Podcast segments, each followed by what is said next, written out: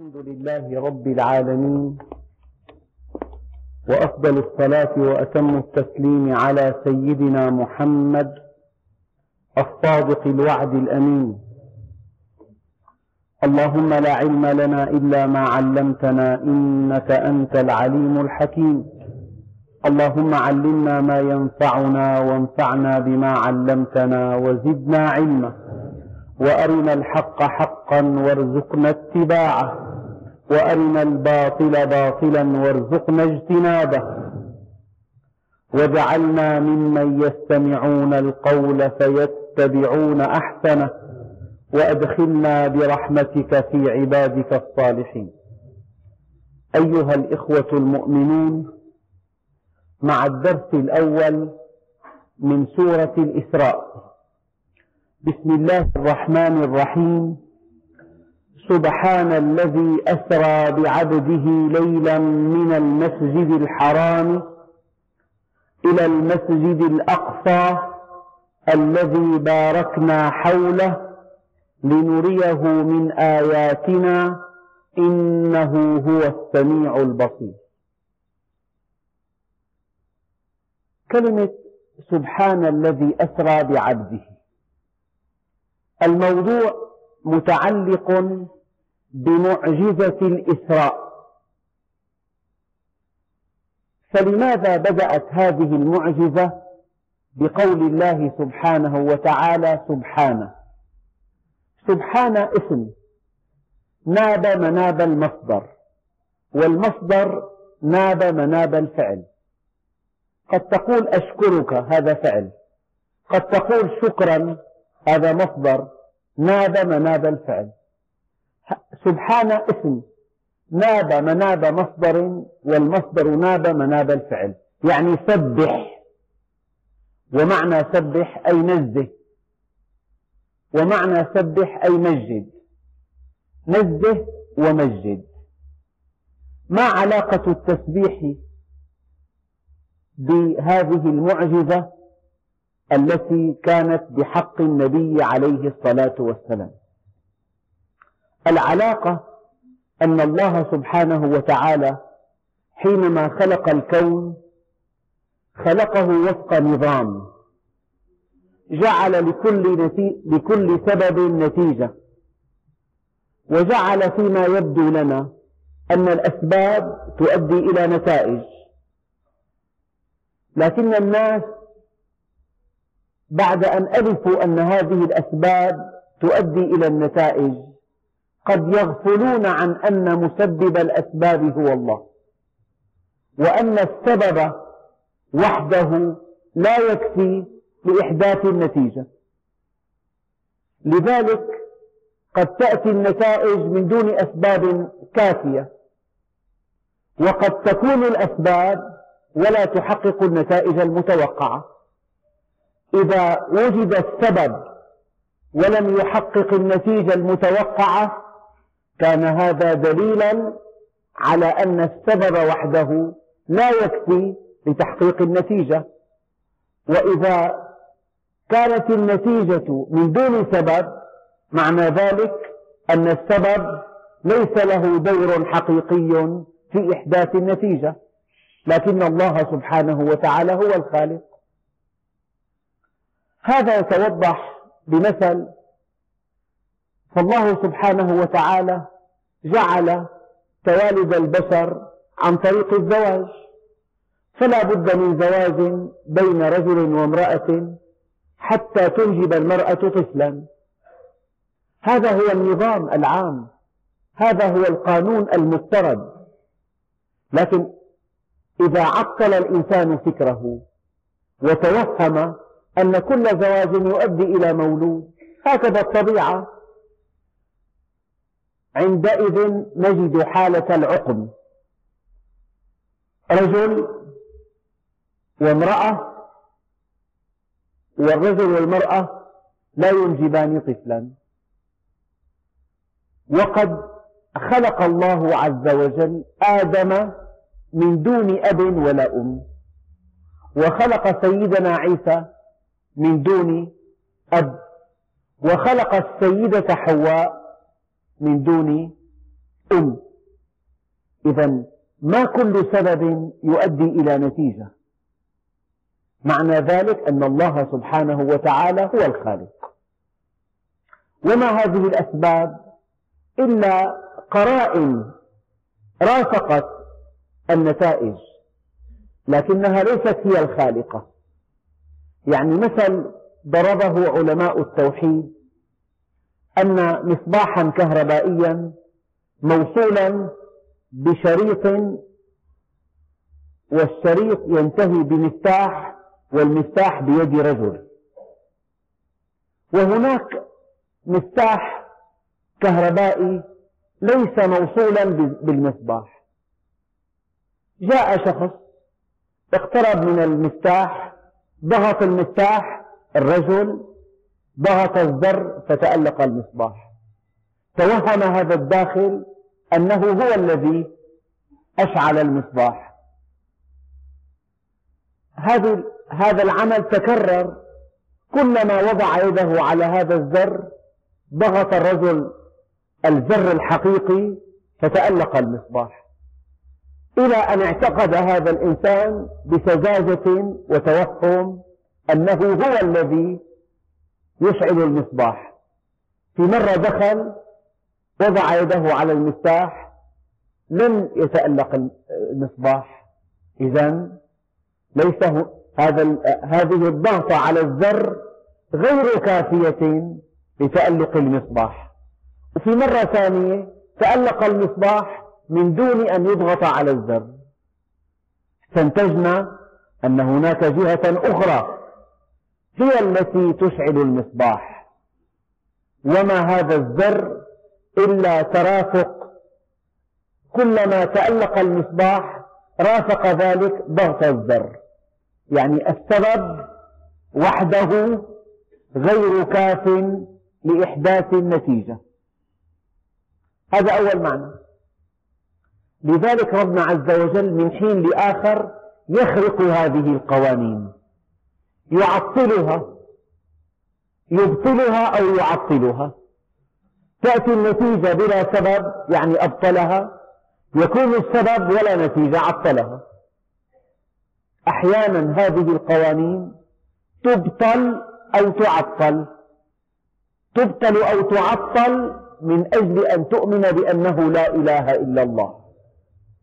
وبأن الله هو الخالق. وأن السبب وحده لا يكفي لإحداث النتيجة.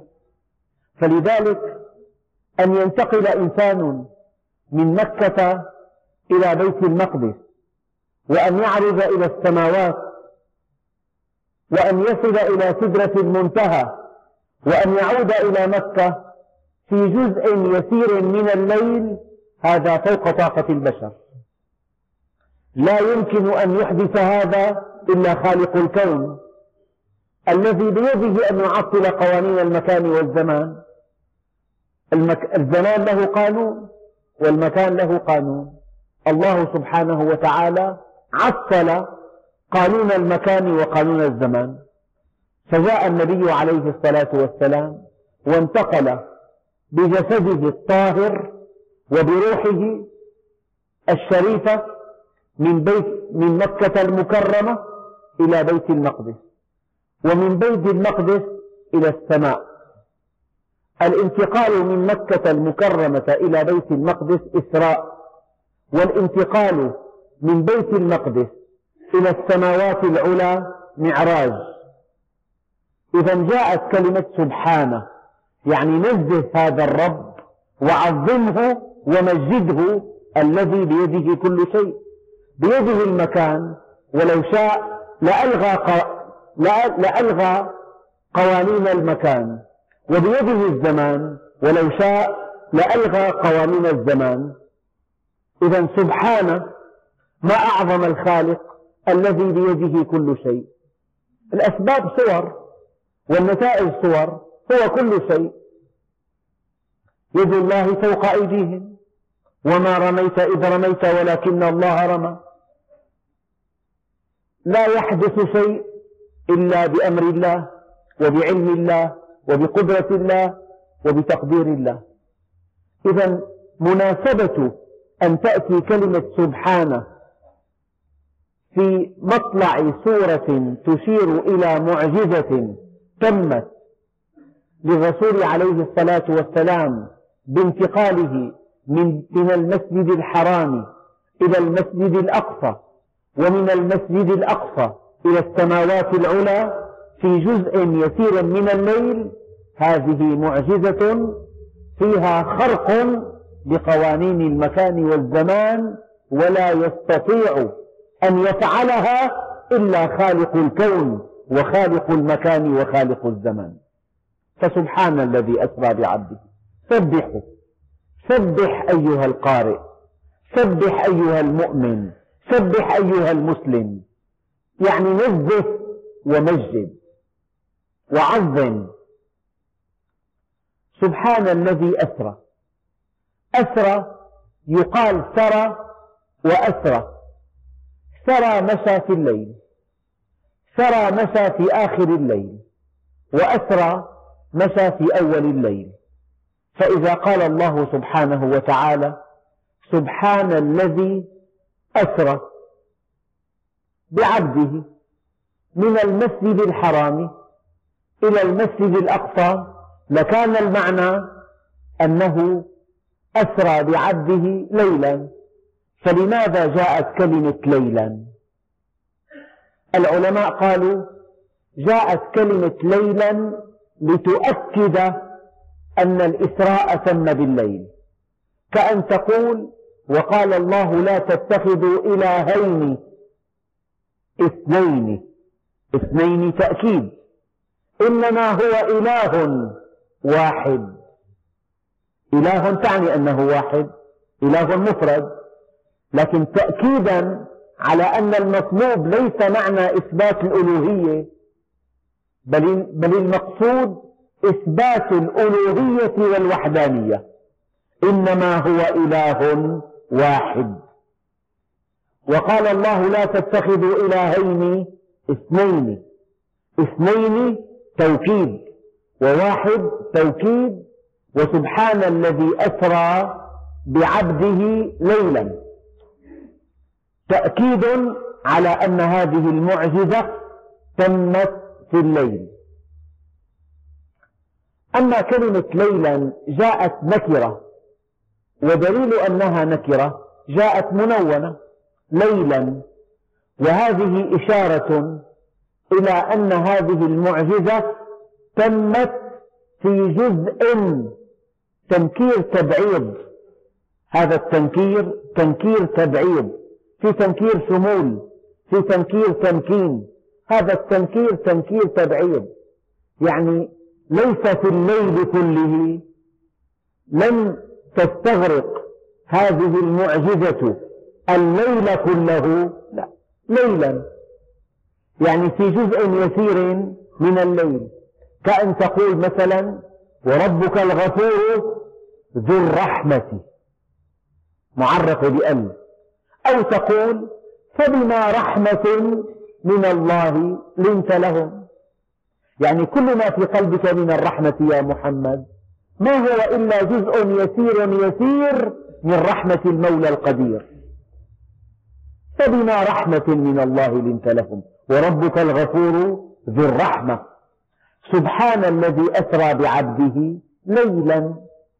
يعني في جزء يسير من الليل انتقلت من بيت الحرام من المسجد الحرام إلى المسجد الأقصى إلى السماوات العلى وعدت ولا يزال الفراش ساخنا. هذا أول معنى.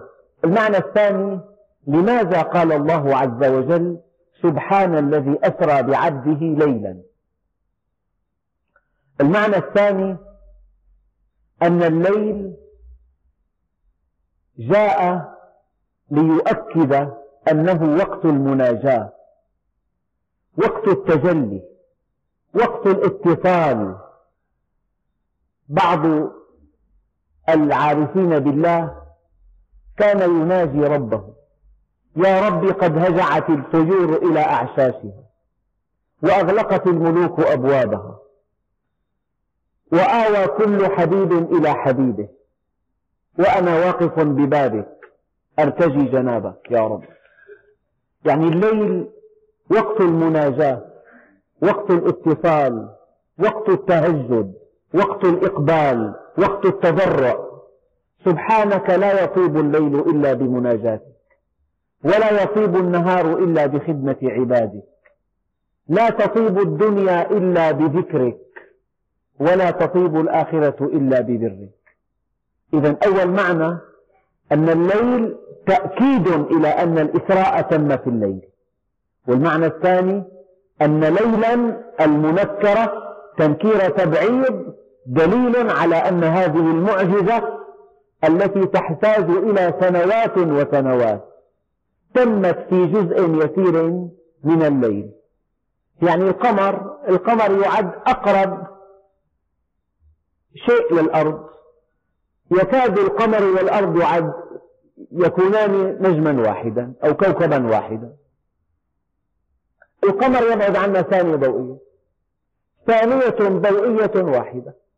يعني إذا تألق ضوء في القمر وصل إلينا في ثانية واحدة. والشمس تبعد عنا ثمانية دقائق. والمجموعة الشمسية قطرها ثلاثة, ثلاثة عشرة ساعة. والدرب السبان طوله 150 ألف سنة ضوئية.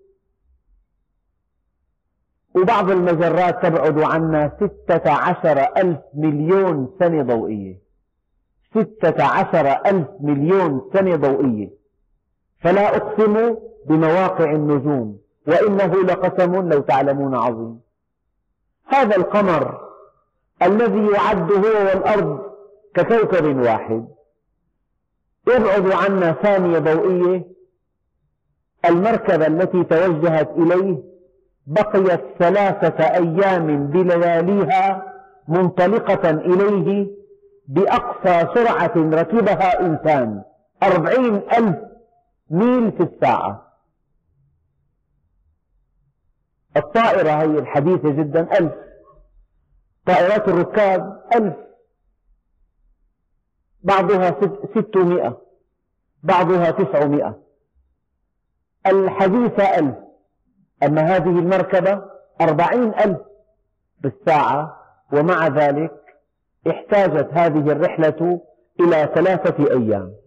أما النبي العدنان عليه الصلاة والسلام من مكة إلى بيت المقدس إلى السماوات العلى ذهابا وإيابا وعودة والفراش لا يزال ساخنا. يعني عطلت قوانين الزمان وعطلت قوانين المكان. ولا يفعل هذا إلا الواحد الديان. ما في. جهة أخرى ما في. قد ما كنت لك قيمة من دمشق لحلب بالسيارة أربع ساعات ثلاث ساعات. هذه طاقة البشر بالطائرة نصف ساعة. أما تكون بثانية بحلب كن من كنت. لن تستطيع ذلك. لا يخرق هذه القوانين إلا الله سبحانه وتعالى. إذا سبحانه سبحان الذي أسرى بعبده. أما كلمة عبده قال أكمل المخلوقات خلقا وعلما أكملهم عبودية. يعني أعلى مرتبة ينالها الإنسان على وجه الأرض أن يكون عبدا لله. إذا كمل علمه كملت عبوديته. إذا قال أنا فهو جاهل من أنت؟ كنت لا شيء فأصبحت به خير شيء. في الورى قد طبعك إذا قال أنا ذاكرتي قوية الله عز وجل قادر في لمح البصر أن يجمد قطرة دم في بعض شرايين المخ فيفقد ذاكرته. إذا قال أنا محاكمتي قوية جمعت جمعت أعلى مجموع في الشهادة الثانوية. الله عز وجل قادر يعمل انفجار لبعض شرايين المخ فيصبح مجنونا يزيل بعض المستشفيات العقلية. إذا قال أنا قوي بحمل كذا كيلو ويعني حصل رقم أولمبي مثلا. ممكن كمان شريان آخر تأتيه خفرة دموية فيغلق فيصاب الإنسان بالشلل. إذا كمال علمك يؤدي إلى كمال عبوديتك. كمال خلقك يؤدي إلى كمال عبوديتك. إذا عرفت نفسك حقيقة فأنت عبد لله. ثلاث كلمات مهلكات. أنا ولي وعندي. قال إبليس أنا خير منه. فأهلكه الله عز وجل. وقال قارون إنما أوتيته على علم عندي فخسفنا به وبداره الأرض. وقال فرعون أليس لي ملك مصر؟ لي أنا ولي وعندي. فكلما ارتقى علمك اقتربت من العبودية. وكلما ارتقت نفسيتك اقتربت من العبودية فإذا بلغت قمة الكمال البشري فأنت عندئذ لا تزيد عن أن تكون عبدا لله. وإذا كنت عبدا لله رفعك الله وأعزك الله وأمدك الله وأغناك الله. ألم نشرح لك صدرك؟ ووضعنا عنك وزرك الذي أنقض ظهرك ورفعنا لك ذكرك. إذا كنت عبدا لله فأنت عزيز في الدنيا والآخرة. إذا كنت عبدا لله فأنت غني بكل ما تعني هذه الكلمة. تحس بالغنى. الغنى ليس عن كثرة العرض العرض. ولكن الغنى غنى النفس. لذلك اجعل لربك كل عزك يستقر ويثبت. فإذا اعتززت بمن يموت فإن عزك ميت. كلمة بعبده يعني كل ما غمأت بالتوحيد اقتربت من العبودية. العبودية تعني أنك من أعز الناس ومن أكرمهم ومن أرفعهم شأنا. هل في الأرض كلها إنسان أعزه الله؟ كهذا النبي العظيم في قال لي أخ كريم يعني تمكن قبل سنوات بقدرة قادر وبشكل غير طبيعي أن يدخل الحجرة النبوية وأن يغسلها بنفسه. وقيل له إياك أن تتلف هذه المناشف التي نشفت بها الحجرة هذه مباركة. فهذه الحجرة النبوية يتشرف الملوك بتنظيفها فما قولك بصاحب هذا المقام المحمود والحوض المورود والشفاعة العظمى؟ يعني إذا كان أنت عبد لله يرفع لك ذكرك. يرفعك في العالمين. كلمة عبد أرقى كلمة يوصف بها إنسان. يعني عالم لأنه عالم صار عبد. لو كان متكبر كان جاهل. لو قال أنا مع تجاهل أحمق. هذا لا يفهم شيئا. لو قال عندي هذا أحمق لو قال لي أحمق لو قال أنا أفعل كذا أحمق إلى أن يقول لا إله إلا الله وأنا عبد الله لا حول ولا قوة إلا بالله. حسبي الله ونعم الوكيل. إنا لله وإنا إليه راجعون. لا نعصي يا رب لما منعت ولا مانع لما أعطيت. لا رافع إلا أنت ولا خافض إلا أنت. ولا رازق إلا أنت. عندئذ أنت عبد لله. يعني إذا عرفت حجمك الحقيقي رفعك الله في درجات العلا. إذا عرفت حجمك الحقيقي أمدك الله بمدد من عنده. هلا أي مصلحة؟ إذا قال صاحبها أنا فهمان لا بد من أن يرتكب حماقة تسحقه. إذا قال أنا فهمان أو ما في مثلي طبيب أو ما في مثلي مهندس أو أنا أنفرد في البلد بهذه الخبرة. بس يقول أنا أحمق معناتها لا يعرف أن كل ما يملكه بإذن الله عز وجل. فلذلك كلمة عبد تعد قمة العلو البشري. يروى أن النبي عليه الصلاة والسلام وهو في في سدرة المنتهى قال يا رب اجعلني عبدك. اجعلني متمثلا صفات العبودية الحقة. فالمؤمن متواضع يعرف حجمه فيقف عنده لا يتعدى حدوده لا يدعي ما ليس له. لأنه عالم صار عبد العلم يقودك إلى العبودية والعبادة أرقى درجات العمل. أرقى درجات العلم أن تقول لا إله إلا الله وأرقى درجات العمل أن تعبد الله.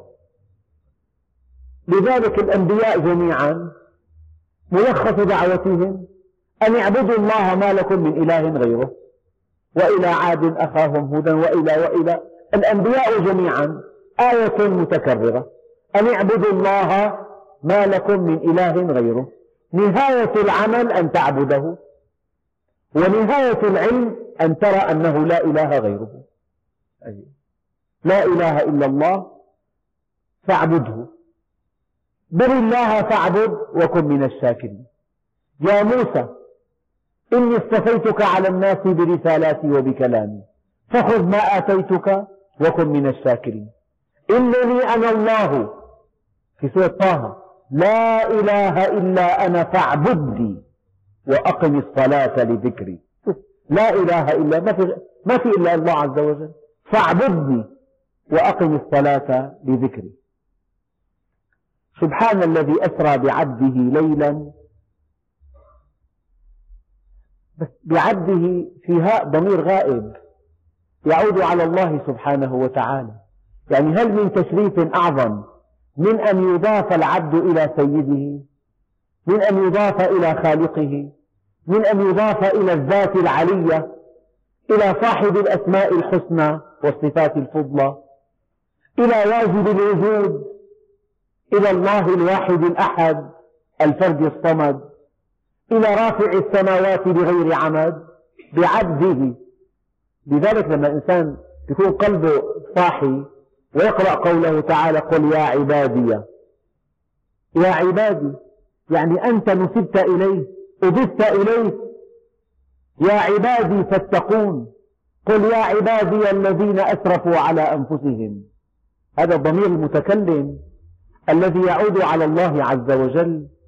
إذا إذا أضيف العبد إليه فهذا تشريف ما بعده تشريف. يعني إذا قال لك شخص رفيع المقام هذا موظف عندي. هذا لمكتب خاص. هذا أقرب الموظفين إلي.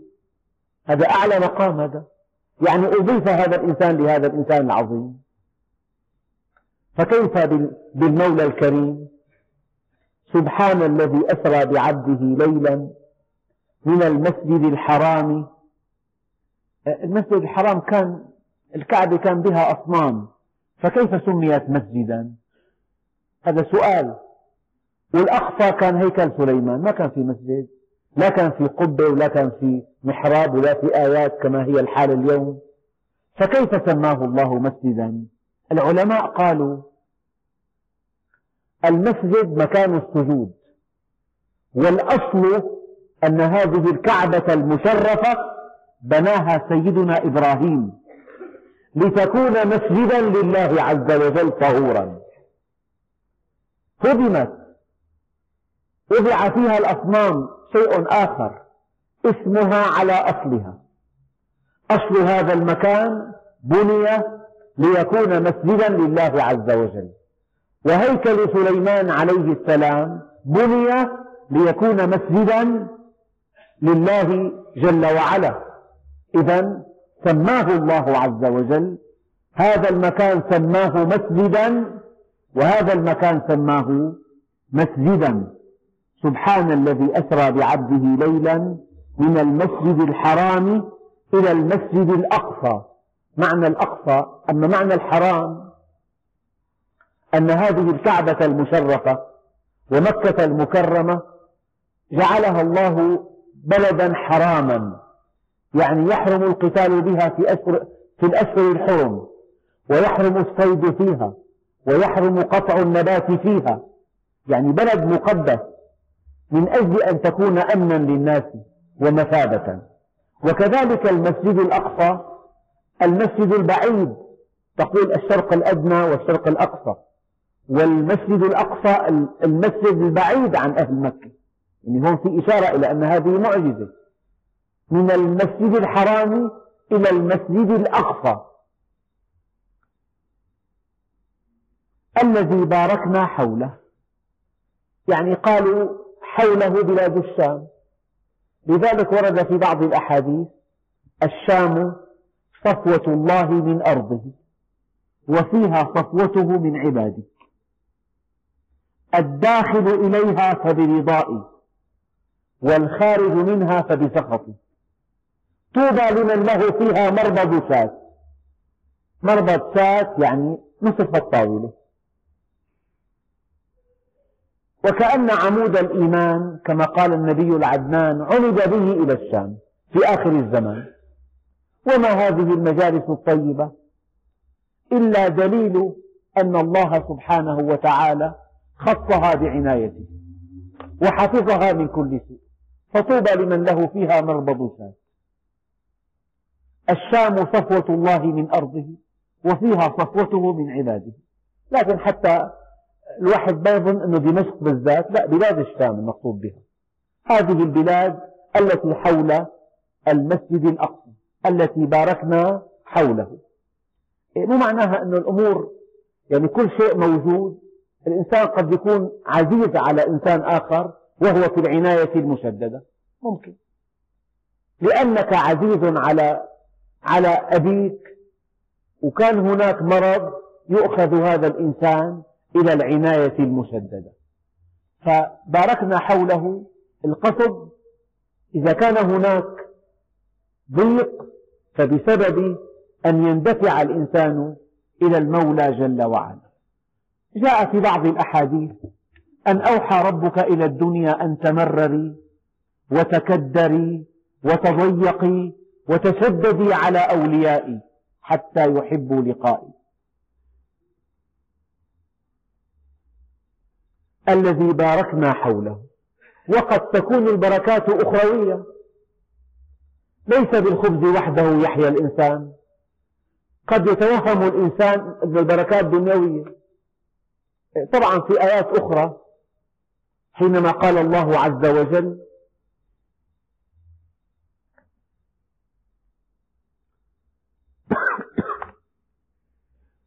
إني أراكم بخير. العلماء فسروا هذه الآية أن الخير يعني وفرة المواد ورخص الأسعار. ولكن ليس بالخبز وحده يحيا الإنسان. قد تأتي شدة فترقى بها إلى المولى جل وعلا. فهذه خير ومحض خير. ربما أعطاك فمنعك. وربما منعك فأعطاك. العطاء من الله من العباد منع والمنع من الله إحسان. وعسى أن تكرهوا شيئا وهو خير لكم. وعسى أن تحبوا شيئا وهو شر لكم. والله يعلم وأنتم لا تعلمون. يعني إنسان أحيانا يخسر ماله كله. يقول لك ما ما ما شيء احترق محله. من أجل أن تنهمر من عينيه دمعة واحدة يندم بها على بعض المعاصي. إذا انتهى فقد المال كله بتوبة نصوح فقد ربح ربحا كثيرا. ربح ربحا كثيرا. أحد أصحاب رسول الله اللهم صل عليه في الهجرة في طريق الهجرة ألقي القبض عليه. ترك في مكة مالا كثيرا. فمن أجل أن ينجو بحياته ويلتحق بالنبي عليه الصلاة والسلام قال لهم إذا دللتكم على مالي في مكة أتدعونني؟ قالوا نعم. دلهم على ماله كله. ونفذ بجسده إلى النبي عليه الصلاة والسلام. حينما وصل إلى الرسول عليه الصلاة والسلام حدثه بما جرى. فقال عليه الصلاة والسلام ربح البيع أبا يحيى. ربحت معك ضيع كل ماله بس نجا وكسب دينه وآخرته. لذلك من آثر دنياه على آخرته خسرهما معا. ومن آثر آخرته على دنياه ربحهما معا. إنسان من دون شدة مستحيل. الشدة دليل. امتحان لا بد منه. أحسب الناس أن يتركوا أن يقولوا آمنا وهم لا يفتنون.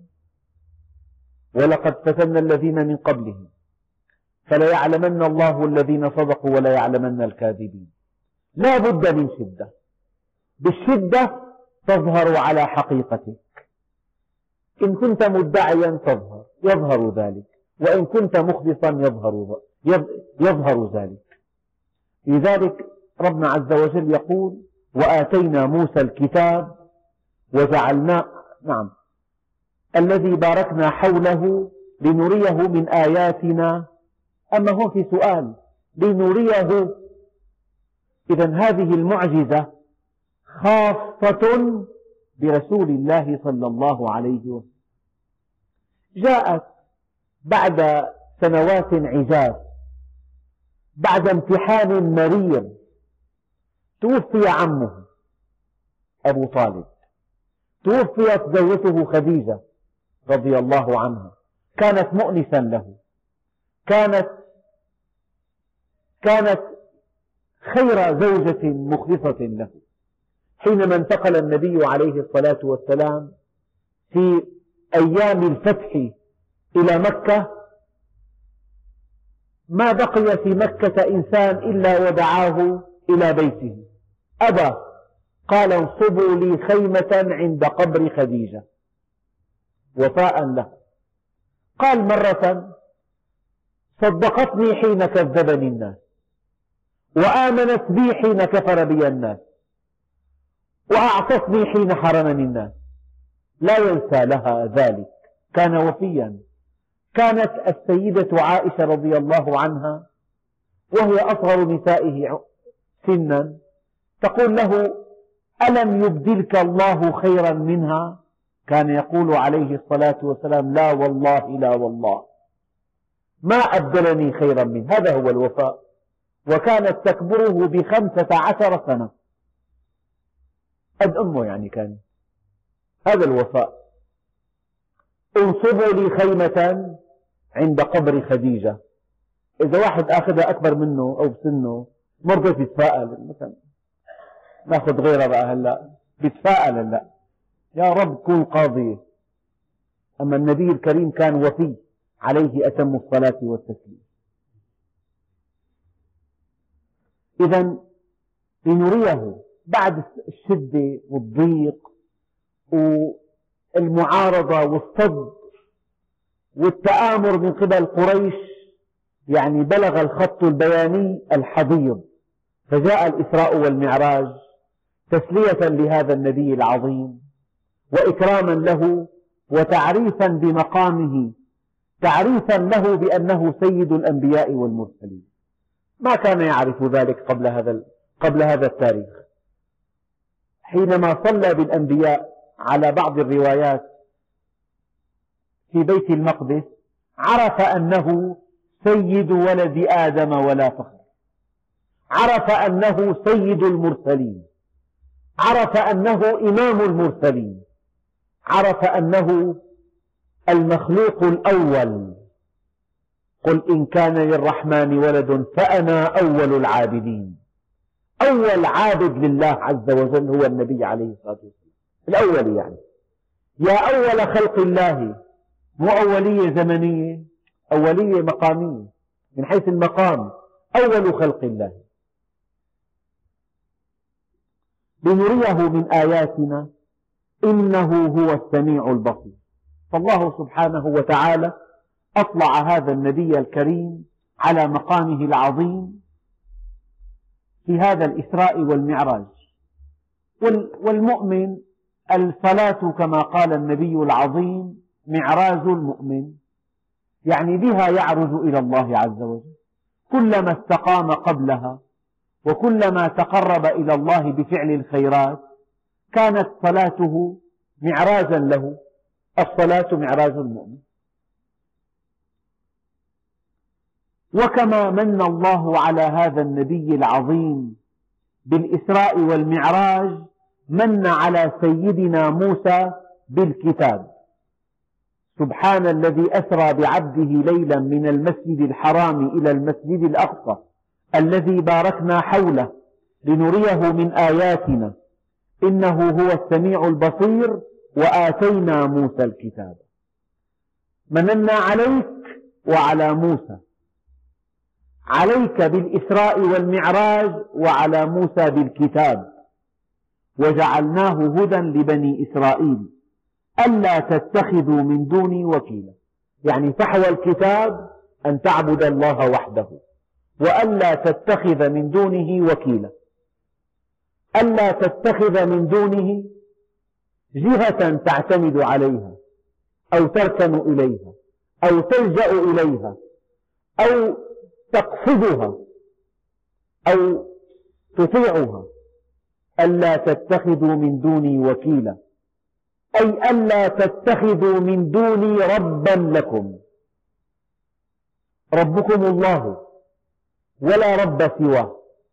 ومن تضعضع أمام شخص ظانا أنه ينفعه أو يضره أو يعطيه أو يمنعه فقد اتخذه ربا وقد أشرك بالله رب العالمين. لذلك من جلس إلى غني فتضعضع له ذهب ثلثا دينه. ذهب ثلثا دينه. اجلس اجلس. شيء آخر اطلبوا الحوائج بعزة الأنفس. فإن الأمور تجري بالمقادير. لا ينبغي للمؤمن أن يذل نفسه. له رب وهذا الرب بيده كل شيء مطلع عليه كلما اعتمدت عليه أكرمك وكلما التجأت إليه حماك. أطع أمرنا نرفع لأجلك حزبنا فإنا منحنا بالرضا من أحبنا. ولذ بحمانا واحتمي بجنابنا لنحميك مما فيه أسرار خلقنا. ألا تتخذوا من دوني وكيلا أي ربا تدعونه تلوذون به تلتجئون إليه تحرصون على رضاه لا إله إلا الله ولا رب سواه. ذرية من حملنا مع نوح. هذه الكلمة منصوبة. يعني يا ذرية من حملنا مع نوح. يعني أيها البشر نحن جميعا ذرية من حملنا مع نوح. سيدنا نوح هو الذي نجا والذين آمنوا معه من الطوفان الذي عم الأرض. لذلك لم ينجو من طوفان نوح إلا سيدنا نوح ومن معه. ونحن ذرية له. ذرية من حملنا مع نوح يعني يا ذرية من حملنا مع نوح. يا أيها البشر الذين من الله عليكم وأنجاكم من الطوفان وجعلكم أحياء وخلقكم وأوجدكم من العدم. ذرية من حملنا مع نوح كونوا كنوح شاكرا. إنه كان عبدا شكورا. ما لكم لا تشكرون؟ إنه كان عبدا شكورا. ما لكم لا تعترفون؟ ما لكم لا تطيعون؟ ما لكم لا تحبون؟ إنه كان عبدا شكورا. يا ذرية من حملنا مع نوح. إن جدكم نوح كان عبدا شكورا. فماذا تفعلون أنت؟ وقضينا إلى بني إسرائيل في الكتاب لتفسدن في الأرض مرتين ولتعلن علوا كبيرا. الحديث الآن عن بني إسرائيل. هؤلاء في علم الله أنهم وهم مختارون. يعني لا يتناقض أن الإنسان مختار وأن الله سبحانه وتعالى, وتعالى يعلم ما سيكون. الإمام علي كرم الله وجهه يقول علم ما كان وعلم ما يكون وعلم ما سيكون وعلم ما لم يكن لو كان كيف كان يكون. الله سبحانه وتعالى يعلم كل شيء يعلم ما كان وما يكون وما سيكون وما لم, وما لم يكن لو كان كيف كان يكون. يعلم بلا كيف والإنسان مخير. علم الله عز وجل لا يؤثر في اختياره. وقضينا إلى بني إسرائيل في الكتاب لتفسدن في الأرض مرتين. أول مرة وثاني مرة. ولتعلن علوا كبيرا. علو الاستكبار. علو الظلم. علو أن يبني الإنسان مجده على أنقاض الآخرين. ولتعلن علوا كبيرا. فإذا جاء وعد أولاهما بعثنا عليكم عبادا لنا أولي بأس شديد فجاسوا خلال الديار وكان وعدا مفعولا. يعني الله عز وجل إذا حصل الفساد يقيد لهذا الفساد رادعا يقيد علاجا والعلاجات أنواع. قد يكون العلاج في الزلزال وقد يكون العلاج في الفيضان وقد يكون العلاج في في جذب الأرض وسح السماء. قد يكون العلاج في الطوفان في المطر الشديد في الفقر الشديد. وقد يذيق الله عباده بأس بعضهم بعضا. وهذا أحد أنواع العلاج. ضرب الله مثلا قرية كانت آمنة مطمئنة يأتيها رزقها رغدا من كل مكان فكفرت بأنعم الله. فأذاقها الله لباس الجوع والخوف بما كانوا يصنعون. هذا علاج. قل هو القادر على أن يبعث عليكم عذابا من فوقكم أو من تحت أرجلكم أو يلبسكم شيعا ويذيق بعضكم بأس بعض.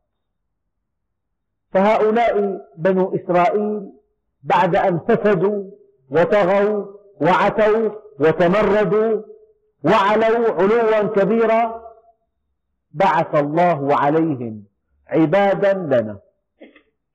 فإذا جاء وعد أولاهما بعثنا عليكم عبادا لنا. يعني بأمرنا بتوجيهاتنا بعلمنا عبادا لنا. بخت نصر أولي بأس شديد فجاسوا خلال الديار. يعني قتلوا من قتلوا ونهبوا ما نهبوا وسفكوا الدماء وانتهكوا الأعراض. فسحق بنو إسرائيل. فإذا جاء وعد أولاهما بعثنا عليكم عبادا لنا. أولي بأس شديد. فجاسوا. داسوا يعني. خلال الديار. وكان وعدا مفعولا. هذا هذا تنفذ الوعد. ثم رددنا لكم الكرة عليهم. بعد أن جاءت هذه المصيبة الساحقة. وهذا الابتلاء العظيم. وهذا القهر تاب هؤلاء ورجعوا واستقاموا. ثم رددنا لكم الكرة عليهم. أعاد الله لهم ملكهم ومجدهم وغناهم ورزقهم من الأموال والأولاد ما تقر به العيون. ثم رددنا لكم الكرة عليهم. وأمددناكم بأموال وبنين. فجعلناكم أكثر نفيرا. أي الحياة كر وفر البطل الذي إذا جاءته الدنيا لا يطغى. لأنه إذا طغى سوف يقهره الله سبحانه وتعالى. البطولة أن تكون مع الله وأنت في الرخاء. وأنت في أوج نجاحك. وأنت في أوج صحتك. وأنت في أوج قوتك. ألا تنسى الله عز وجل. هذه البطولة. أما كل إنسان ضيق الأفق أعمى إذا جاءته الدنيا وأصبح قويا ينسى فيطغى فيأتيه تأديب الله عز وجل ضربة قاضية.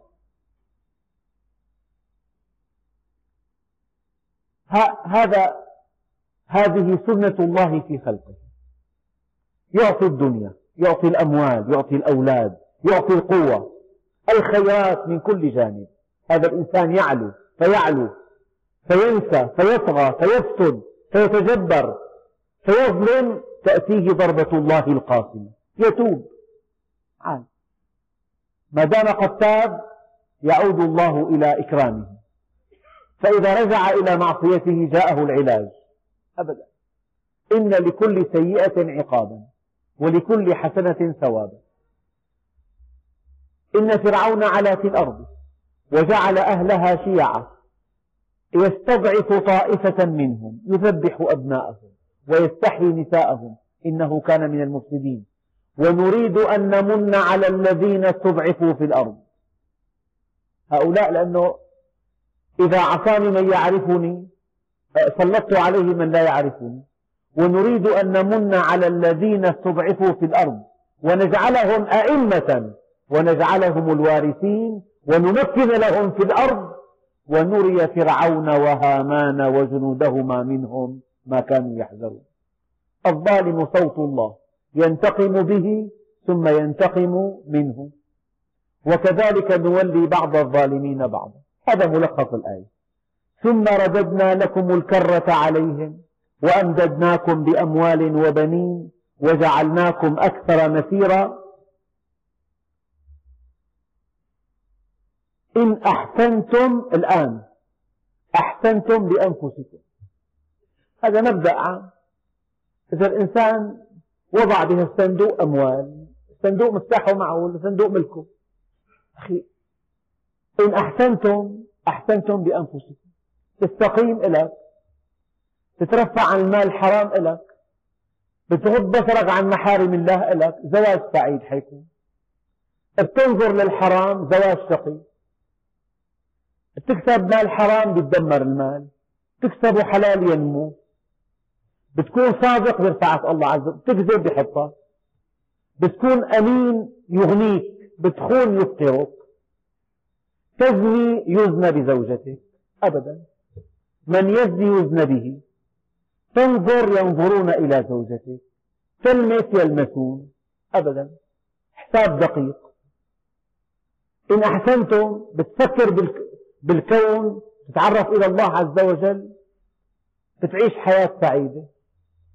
تلتفت إلى الدنيا يأتي خريف العمر ويحمل معه الشقاء الكبير. إن أحسنتم أحسنتم بأنفسكم. وإن أسأتم فله يعني إذا واحد عنده سيارة وجاب حجر كسر البلور بيكون أذى مين يعني. بيكون غاض مين حالك إذا اعتنى فيها له إن اعتنى فيها ريحته وريحها.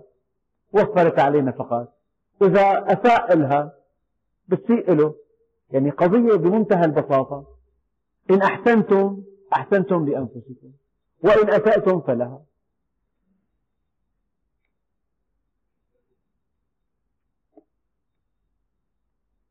فإذا جاء وعد الآخرة يعني بالفساد الثاني ليسوءوا وجوهكم. يعني في نوع من الإيلام والإهانة. وليدخلوا المسجد المقصود به بيت المقدس كما دخلوه أول مرة وليتبروا ما علوا تتبيرا التتبير هو التخريب والتدمير. يعني أعداؤكم الذين سيقيضون بتأديبكم على فسادكم وليدخلوا المسجد كما دخلوه أول مرة وليتبروا ما علوا تتبيرا. فيهدمون كل شيء. عسى ربكم أن يرحمكم. وإن عدتم عدنا. هذه الآية لحالها تكفي. كأن الله عز وجل يخاطب كل واحد منكم. وإن عدتم عدنا. إن رجعت إلي رجعت إلى إكرامك. وإن نسيتني قيضت لك ما يرجعك. إن رجعت إلي طوعا رجعت إلى إكرامك ورفع شأنك. وإذا نسيتني وكفرتني قيضت لك ما يزعجك. أنت تريد وأنا أريد. فإذا سلمت لي فيما أريد كفيتك ما تريد. وإن لم تسلم لي فيما أريد أتعبتك فيما تريد. ثم لا يكون إلا ما أريد. أبدا. كن لي كما أريد أكن لك كما تريد. كن لي كما أريد ولا تعلمني بما يصلحك إن أحسنتم أحسنتم لأنفسكم وإن أسأتم فلها. فإذا جاء وعد الآخرة ولم ترجعوا صار الفساد الثاني ولم ترجعوا سأقيد لكم عبادا لي يقهرونكم ويذلونكم ويتبروا ما علوا تتبيرا يدمرون كل شيء. عسى ربكم أن يرحمكم وإن عدتم عدنا. يعني في آية قرآنية لا يغير الله ما بقوم حتى يغيروا ما بأنفسهم. قانون والله الذي لا إله إلا هو. لو لم يكن في هذا القرآن إلا هذه الآية لكفى واحد واقع بمشكلة لن يغير الله ما به حتى يغير حتى يتوب. حتى يرجع إلى الله حتى يصلي حتى يستقيم حتى يعمل الصالحات. غير حتى يغير. وإذا كنت في بحبوحة وأمن وسلام وصحة وعافية ومكانة كنت ما غيرت؟ الله ما بيغير. مهما اشتدت الظروف. ما غيرت ما بيغير. غيرت بيغير. أي لها معنى عكسي. وإن عدتم عدنا. وجعلنا جهنم للكافرين حصيرا. يعني مكان يحصر به الكفرة. مو قضية أنه في باب مفتوح نفذ واحد. من تحت من فوق الدك من فوق ما في مجال. وجعلنا جهنم للكافرين حصيرا. يعني تحصرهم حصرا. إن هذا القرآن يهدي للتي هي أقوم. ما في آية أبلغ ولا أجمل من هذه الآية. إن هذا القرآن يهدي للتي هي أقوى يعني طبقت بزواجك يصبح زواجك سعيدا. طبقت في صحتك تتمتع بها إلى نهاية الحياة. طبقت في علاقاتك المالية ما أكلت ربا يبارك الله لك في مالك. طبقت في أمور المعاش في التجارة في الصناعة في الزراعة. حيثما طبقت هذا الكتاب يهديك للتي هي أقوى. غضبت من زوجتك فلم تخرجها إلى بيت أهلها. طبقت الآية لا تخرجوهن من بيوتهن يمضى يوم يومين تصالح وانتهى الأمر. تنيتوا بمكانتكم العالية لا ساعة غضب نسيت الآية طردتها إلى بيت أهلها. شهرين ثلاثة أربعة أنت امتلأت غيظ هن امتلأوا غيظ والتفكير صار بالطلاق وعندك أولاد منا وما في مين يرعى الأولاد. من غلطة واحدة صارت, صارت أصبح الطريق إلى الهاوية مفتوحا بتطبق القرآن الرجال قوامون على النساء بما فضل الله بعضهم على بعض وبما أنفقوا من أموالهم. فتكون أعلم منا علما وخلقا وأدبا وصلاحا وتنفق عليها تملك القيادة. فإذا كنت دونها ورعا وعلما وصلاحا وطمعت بمالها كانت لها القيادة عليك. قضية واضحة. قرآن كريم. بتعمل حالك فوق بمئة درجة تعد ظالما. ربنا عز وجل قال وللرجال عليهن درجة درجة واحدة مو مليون درجة. مو هي لا شيء أنت كل شيء. هي شريكة حياة لكن أنت القيادة لك. يعني بيلتقى ضابطين بالسكنة بنفس الرتبة. الأقدام بيقود بيقود السرية أو الكتيبة. الأقدام. ربنا جعل الزوج أقدم دائما. أعلى درجة.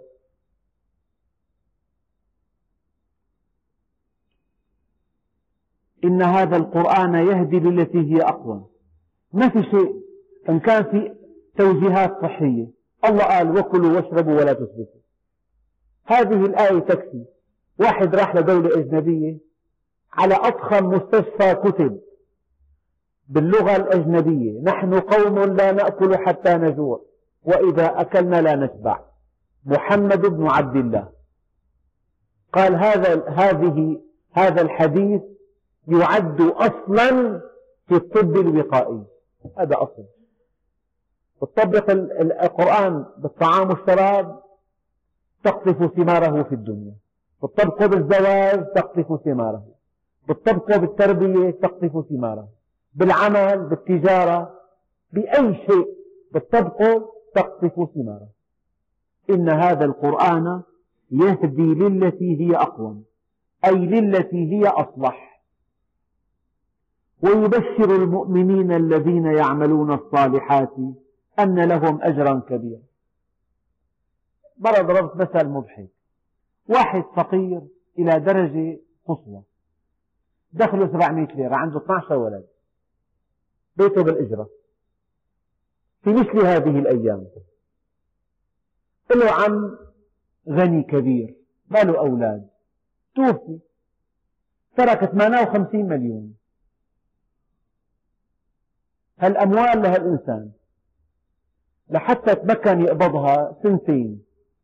السنتين بين وفاته وبين قبض المبلغ. هذا الإنسان الفقير. حياته تغيرت؟ ما تغيرت. أكله تحسن ما تحسن. بيته غيره ما غيره. ليش صار سعيد؟ دخل بالوعد دخل بالأمل. هيك المؤمن بالدنيا. مهما ضاقت دنياه طمعان بالجنة. هذا الإنسان الفقير ما دام حيجي مبلغ ضخم كل ما شاف بيت فخم هذا بدي اشتريه كل ما لقى مركبة فخمة هي بدي اشتريها كل ما لقى هيك شغلة جميلة إنه صار موعود مبلغ ضخم. بس إجراءات قبض المبلغ بتطول هذا مثل ما وقع تحسبوه من عندي. يعني موضوع مثل تركيبي مو مثل وقع. فدخل بالوعد. إذا صار سعيد. أحد أسباب سعادة المؤمن أحد أسباب سعادته أنه الله عز وجل وعده بالجنة.